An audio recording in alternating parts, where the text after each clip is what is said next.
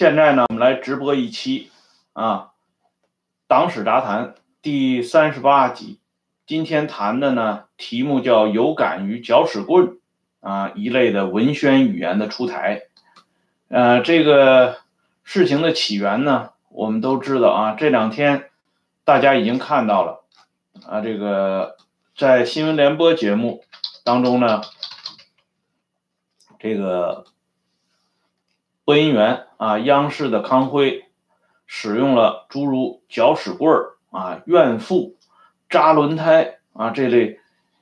特别是这搅屎棍儿啊这种相当粗鄙的语言，居然呢登堂入室，冠冕堂皇的出现在啊央视的这种非常正式正规的场合下，啊给人呢不免这个瞠目结舌的这个感觉。因此呢，我就觉得啊，今天呢找这么个时间，大家坐在一起，在网上聚一下，聊一聊这个话题，为什么会出现啊这个搅屎棍儿的这种语言的出台，是吧？哎，呃，在今天早上啊，这个直播崇祯这一期节目的时候呢，有一位老朋友。啊，对我们这个节目啊提出了忠告啊，对我这个节目提出一点这个建议和忠告，说希望呢以这个人物啊，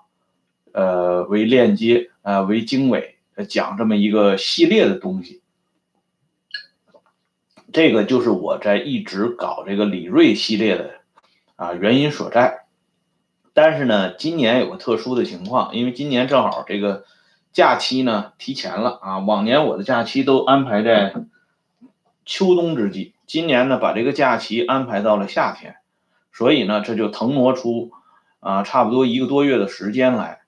啊，这一个多月的时间呢，我希望呢就是更多的采取直播的形式啊，捕捉一些这个小热点啊，一些这个当前大家比较感兴趣的话题，结合呢中国的历史上的一些现象。杂糅起来啊，跟大家反复的聊一聊，这样呢，我们也可以从学习历史的过程当中呢，获得一些轻松啊，获得一些新的啊收益和认知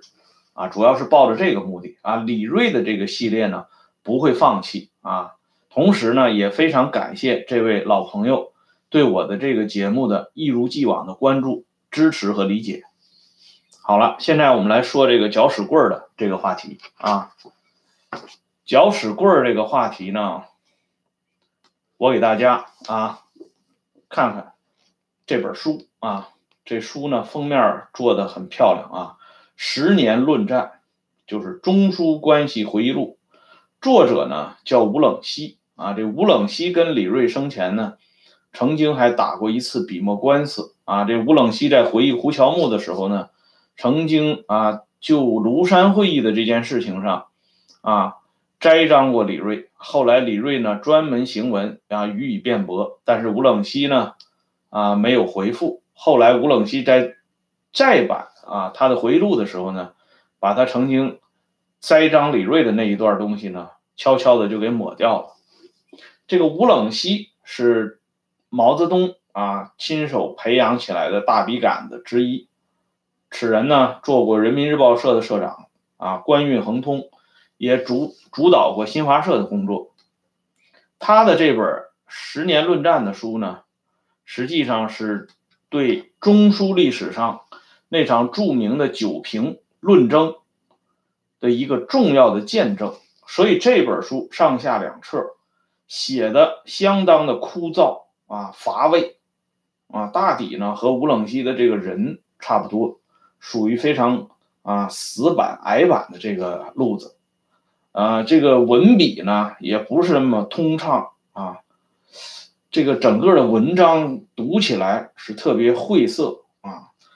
总体上给人感觉是属于面目可憎的这种东西。但是呢，你要了解九评啊，了解中枢论战，这。这套书上下两册，你还是要硬着头皮读一遍，甚至读两遍。我是读了三遍的啊。从这套书里边呢，我们可以看到，就是当时中苏关系从蜜月转向剑拔弩张之际，特别是后来赫鲁晓夫和毛泽东撕破脸皮的时候，双方呢可以说各自说了很多出格的话，啊，就差没有大打出手了。可是这个大打出手，后来我们也看到了珍宝岛战役，啊，双方实际上就已经采取这全武行了，哎，但是呢，即便是这样。啊，这个十年论战里边也给我们留下了很多啊第一手材料，他的这些回忆，就是向我们展示了当时的这个中苏两国领导人就意识形态问题，实际上就就是这个国际共产主义运动的这杆大道旗是应该插在莫斯科还是应该插在北京天安门。其实就是这么一个争论，说白了就是权把子放在谁手里的问题啊，事关这个最高的这个权力的争夺。即便是这种情况下呢，啊，苏联方面舒斯洛夫啊这些人啊都是全副披挂上阵，中国这边就不用说了啊，阵容更加强大，邓小平、彭真、康生等人啊。什么陈伯达、吴冷西呢，就不在话下了啊，也都纷纷出动啊。然而呢，这个论争呢，也只是说文字上的啊往来，特别是关于这个文章的修饰，我们可以看到啊，毛泽东多次召开会议，讨论这个文章的酝酿、形成以及后来的发表，以及发表可能带来的这个后果啊。就是说，这个文字呢，啊，实际上是字斟句酌，用词呢力求准确到位，当然要一定要尖锐啊，要泼辣，要打到痛处。但是呢，你不能说脏话啊，因为一旦说了这个脏话呢，你这个文字的这个力度呢，就很快就下降了。也就是说，当时两国之间在意识形态领域的这场对骂，到了白热化的时候，大家呢至少还绷着啊，没有像这个今天啊这个搅屎棍扎轮胎这种粗鄙的语言，居然啊宣之以口，这种语言都能出来，可见呢也是对不起祖宗了。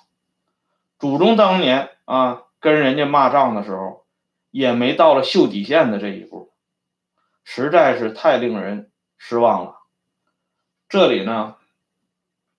咱们就有必要回忆一下历史上发生的一些事情啊。我给大家这个说一段这个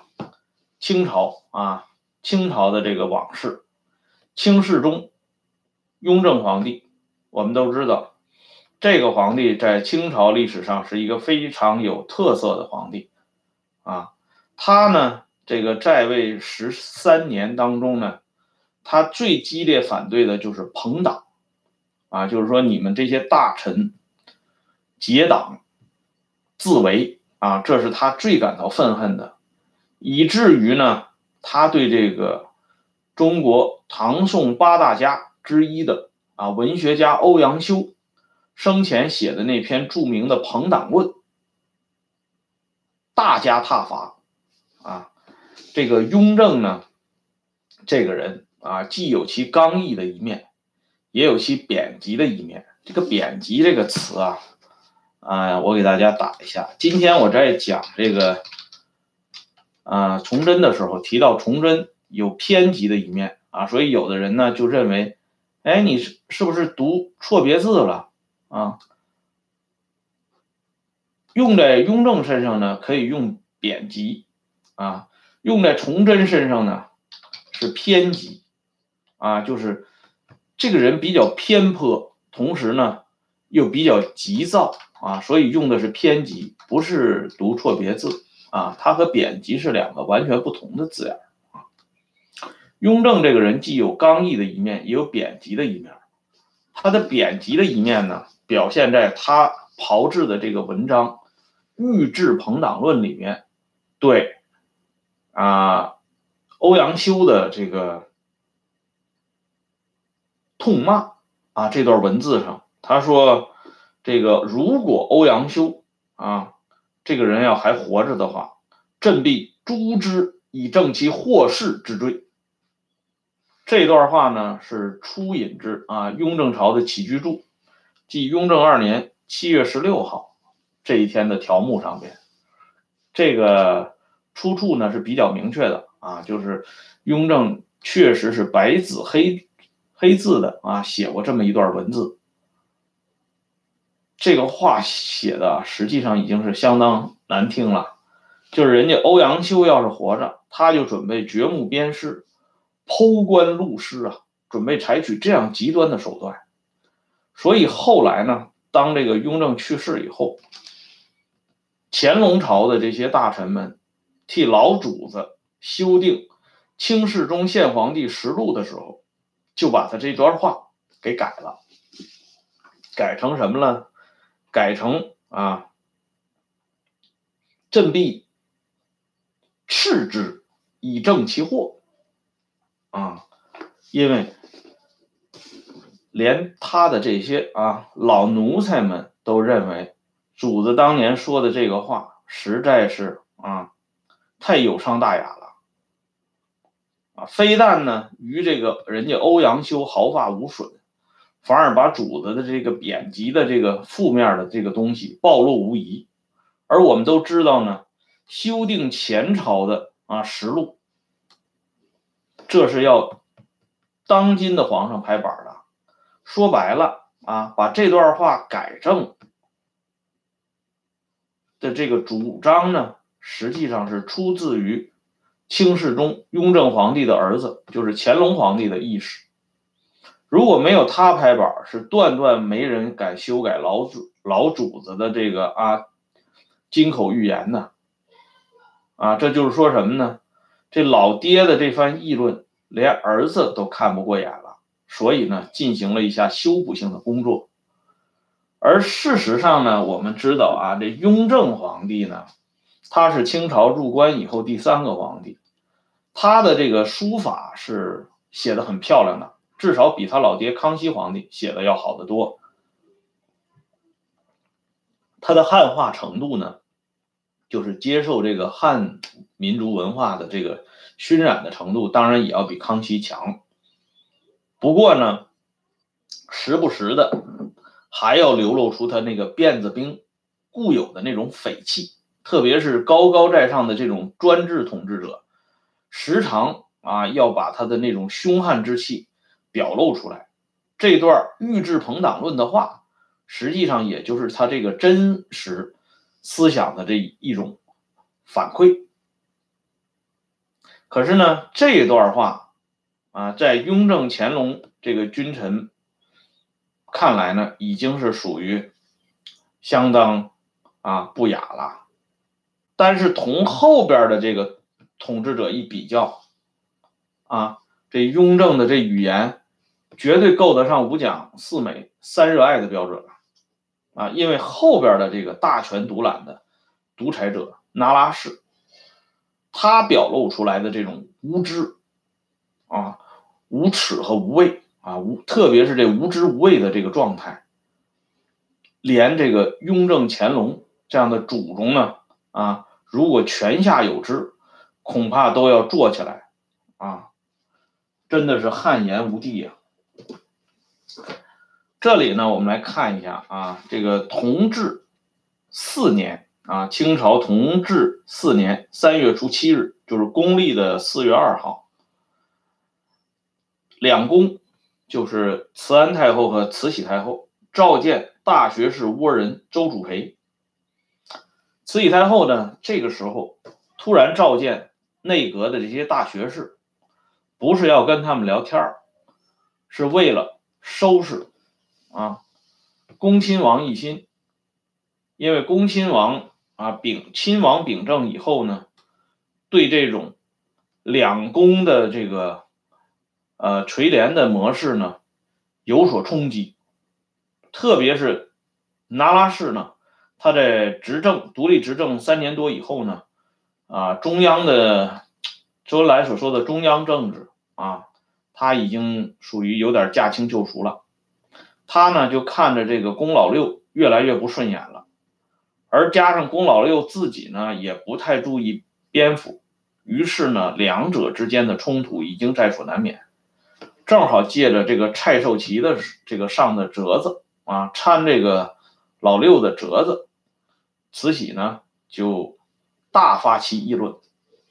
他给周主培、倭人他们出示了一篇他自己亲笔拟就的上谕啊，这篇上谕呢，也可以说是啊奇文异装啊啊，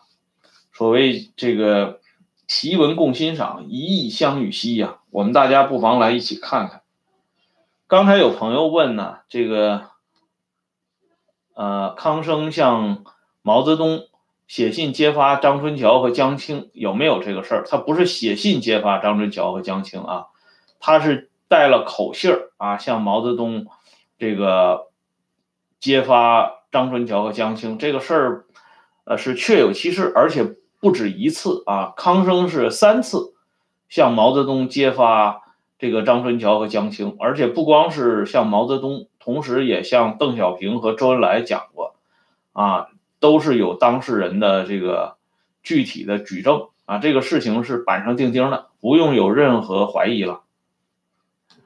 啊，下面呢，我们来看慈禧太后她自己亲笔拟就的这个东西。慈禧本人呢，因为她在年轻的时候曾经跟这个咸丰皇帝。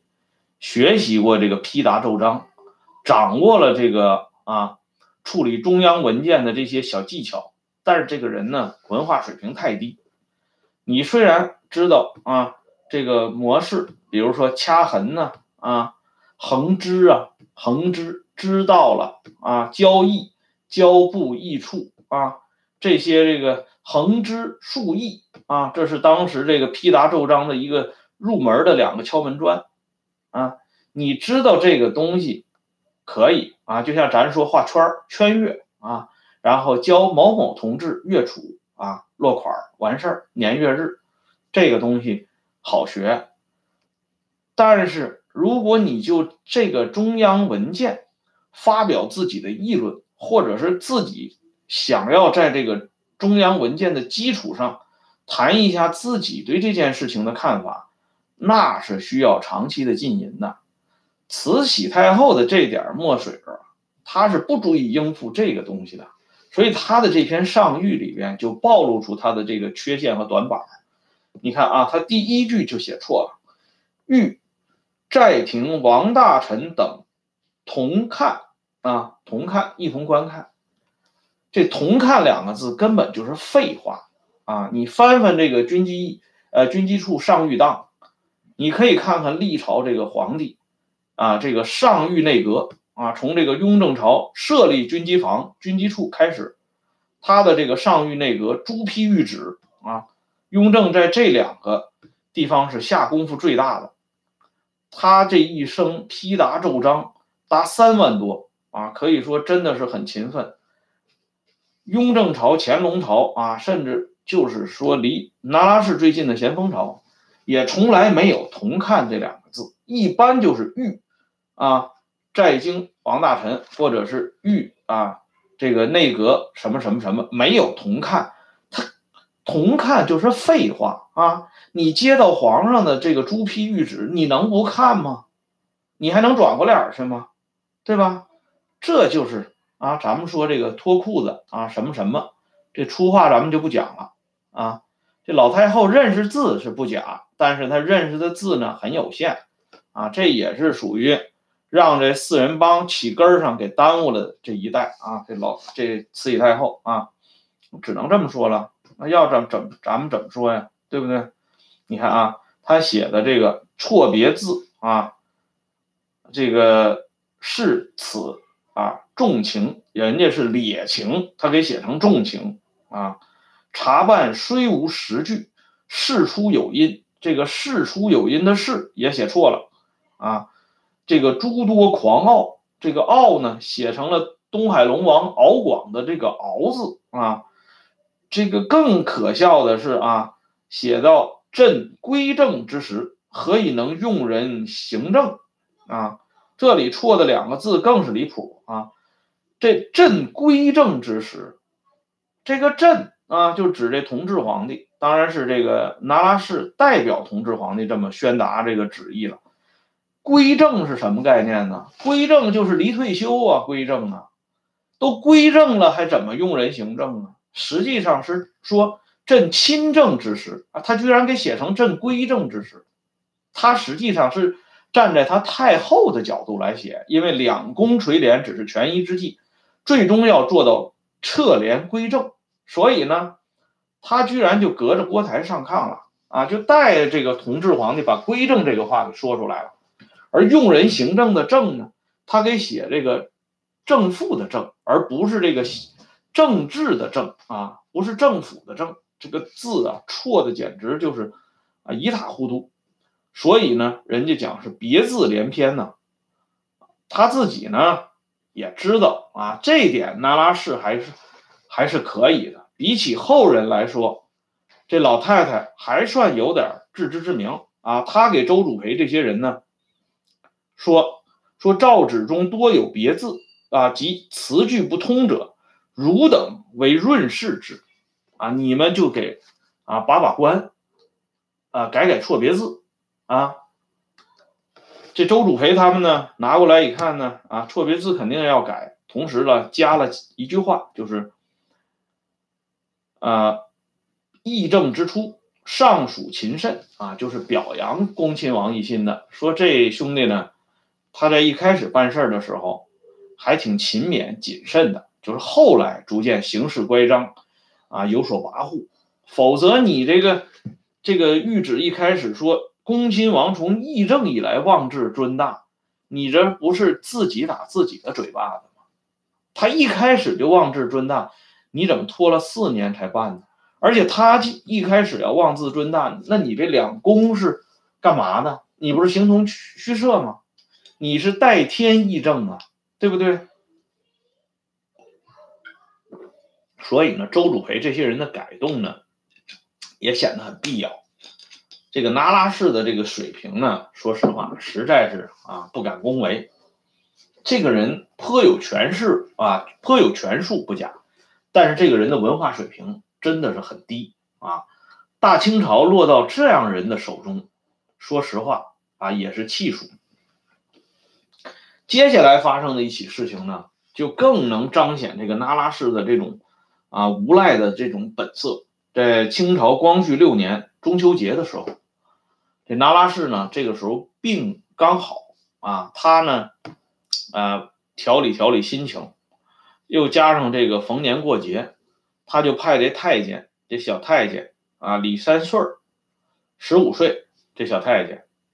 当然不是那拉氏本人亲自这个派的，他是这个交给下边的这个首领太监啊办事儿，挑了亲手挑了几样点心啊。送给这个宫外的他的亲妹妹，就是嫁给醇亲王奕轩的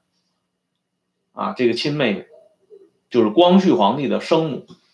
哎，这个太监呢，到了午门的时候，被这个把守午门的这个护军呢给拦住了，人家要手续，因为午门不是随便能够啊一般人就出入的，但这个李三顺呢。这个小子呢，人不大啊，这是属于人小鬼大的啊。他呢，就是耍起无赖了。他说：“我奉的是西佛爷的懿旨啊，给这个七福晋送客食啊，就是点心嘛。要什么手续啊？那护军人家是照章办事啊，严格执法，说你没有手续不能过关，所以两下就发生了冲突。”这冲突之际呢，这李三顺这小子很坏啊，他自己动手就把这点心盒子给砸翻了，反而呢赖到了这个护军的身上，这事情呢一下子就闹大了。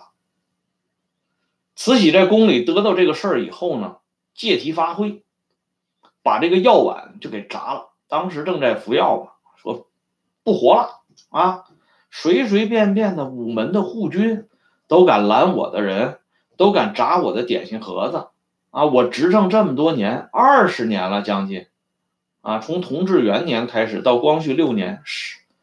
将近二十年了。我这二十年天下就算白做了，不干了。所以恭亲王奕欣这些人就慌了。啊，那个时候慈禧的这个权威已经相当大了。接下来不到一年，慈安就是归西啊，朝政完全被纳入到慈禧的手中。光绪十年，甲申一书把奕欣彻底踢出这个军机处啊，慈禧自己呢就是独立执政。就是说那个时候，光绪六年的时候，慈禧这个时候的权力已经接近巅峰状态，所以他一发脾气，奕欣这些人当然就吓得不得了。然后呢，就交给这刑部尚书潘主荫，说你赶紧把这个事儿给圆了，要不然这个西佛爷追究起来，咱们都吃不了兜着走。潘主因是谁呀？潘主因这个人啊，这个要是有苏州的朋友，想必应该很清楚这个人。这老潘家啊，出过三个名人，在清朝：潘世恩啊，潘世煌，潘主因，号称。苏州三杰啊，潘主因的祖父呢，就是潘世恩，亲历乾隆、嘉庆、道光、咸丰四朝元老，官居大学士。这个人曾经两度啊保荐过林则徐，以此呢著名于历史啊，长期执掌文衡，这是一个啊非常大的这个大干部啊，而且呢这个。潘主荫的这个堂叔啊，堂伯祖父啊，就是这个潘世恩的堂兄潘世煌，是中了探花。潘世恩本人是中了乾隆时期的这个状元，而这个潘主因自己呢，也中了这个探花，啊，这是在科甲里边那是相当荣耀的一件事情。啊，三顶甲呀，状元、榜眼、探花，在封建时代那是不得了的。这个出身呢，在当时士林啊，就是知识分子扎堆的地方，那大家都是要高看一眼的。特别是这潘主荫本人，人家是书法家，家学渊源深厚。他和这翁同龢并称翁潘啊，在当时那都是有名的啊大学问家。哎，这刑部尚书。潘主荫，他也保荐过一个人，就是左宗棠，啊，左宗棠在困厄之际，被人家这个樊谢这些人整的时候，啊，这潘主荫出手相援，保了左宗棠一把，所以这潘主荫这个人是很有名气的这么一个人，他是刑部尚书，他要照章办事，所以呢，他把刑部的关键的八个人，号称八大圣人啊，就是。把关的这八个重要的司局级干部找来了，对这件事呢，从法律的角度进行全面的这个解读。人家这那拉氏，人家不看法律，不看条文，人家就要出一口恶气。所以，当潘主荫把这个结论拿给这个那拉氏看的时候，这历史上就记载了啊，八个字啊，就是那拉氏啊。使气任性，捶床春骂，特别是这个啊“捶床春骂”这四个字，这当时我在读这个这段历史的时候，给我印象是特别深的啊。不知道为什么啊，这个后人编著张之洞传的时候，没有把这四个字加到里边，因为张之洞呢，在这个午门护军事件里边，他是一言回天呐。啊，当时能够劝阻那拉氏回心转意的只有张之洞。张之洞在这件事上是露了大脸的，但是这起因呢，就是这那拉氏的捶床春骂。什么叫捶床春骂呀？翻译到今天老百姓说的大白话，就是这那拉氏当时啊，就像个泼妇啊，农村里的这个泼妇一样，拍着这床，嗷嗷叫骂呀。把这潘主荫给骂了，一句话都不敢回。从这个那拉氏那里出来以后，潘主荫是痛哭失声啊，因为人家这是高级知识分子，人没受过这种折辱啊，啊，你一个执政长达十九年的最高当局，居然用这么脏的话来骂一个高级官员、高级干部，而且是这个干部他没有做错呀，他无非是按章办事，你只不过是横亘在胸口的一口恶气出不来而已，你就采取这种方式来解决问题，这档次也太低了啊！所以这潘祖荫居然到痛哭失声的地步。所以后来呢，清流这些人，张佩伦呐，啊，盛玉啊，啊，包括张之洞啊，这些人纷纷上书，让慈禧呢部分的收回了成命，等于说是各打五十大板还不准确，因为护军处理的到底还严重一些。但是这闹事的太监李三顺呢，也给打了一顿板子啊，首领太监罚了银子，总算是呢把这个物意暂时的平息下来。但是这段历史的核心呢，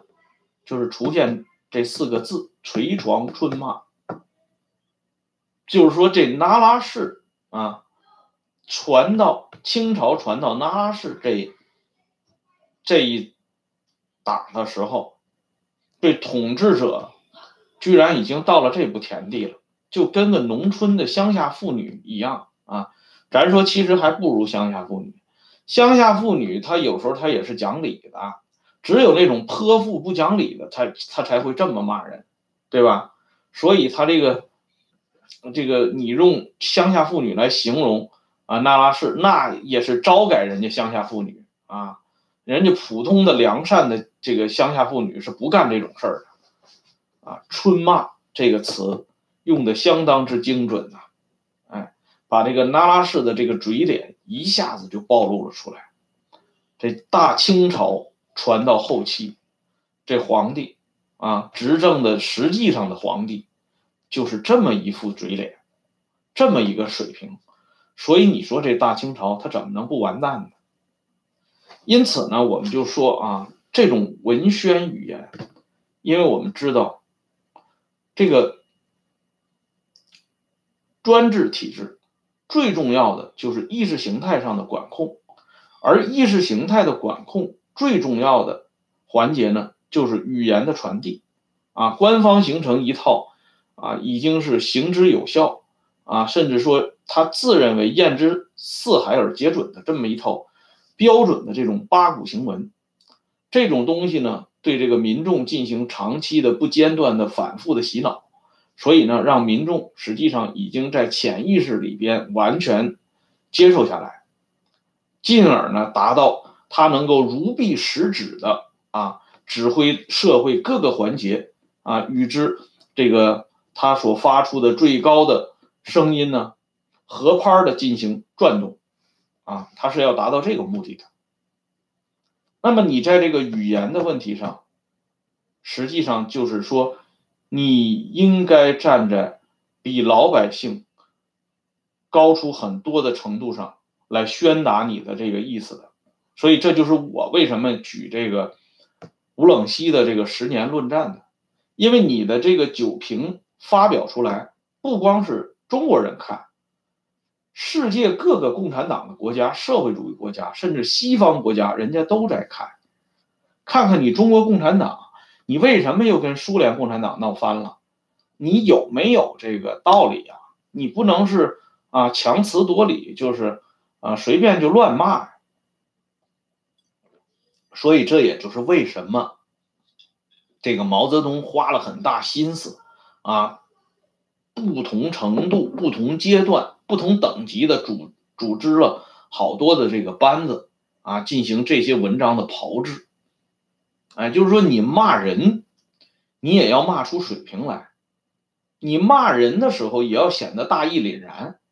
这样呢才会增加这个欺骗性，啊，才会让人觉得，哎，你你你好像很有道理嘛，对吧？看来你说的很有道理，我们应该听你的。如果那个时候毛泽东他们像这那拉氏这样捶床春骂，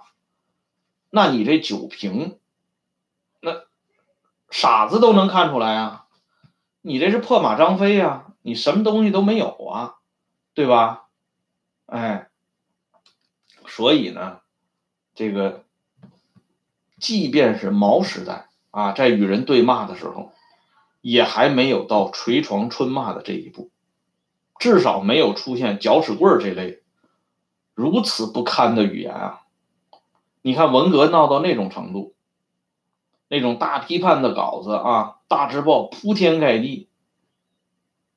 可是这种什么搅屎棍、扎轮胎这种话，也仅仅出现在县乡一级啊，公社里边的啊。农村的这些啊，互相这个攀攀咬啊，撕咬啊，互相这个谩骂当中，也没有堂而皇之的出现在中央政治里边。这周恩来不是经常讲中央政治吗？对不对？因此呢，咱们就说，今天看到这样的文宣语言，真的有一点恍如隔世的感觉啊！这种语言为什么会出来？我相信大家心明眼亮，不需要我在这里再做任何的啊解释了，因为我刚才要说的话，在这个雍正皇帝和那拉氏的这两个故事当中已经有所体现了。所以虽然讲重要的话说三遍，可是咱们呢说一遍也就可以了。哎，所以今天的这个话题呢，啊。啊，有的朋友说了，不许放屁啊！这个提出这个毛当年写的那个《鸟儿问答》，对呀，就是说，你看看《鸟儿问答》的这个东西啊，我不是举过这个，呃，梁晓声的一个回忆吗？当时瑞典的留学生在复旦留学的时候，就提出这个问题啊，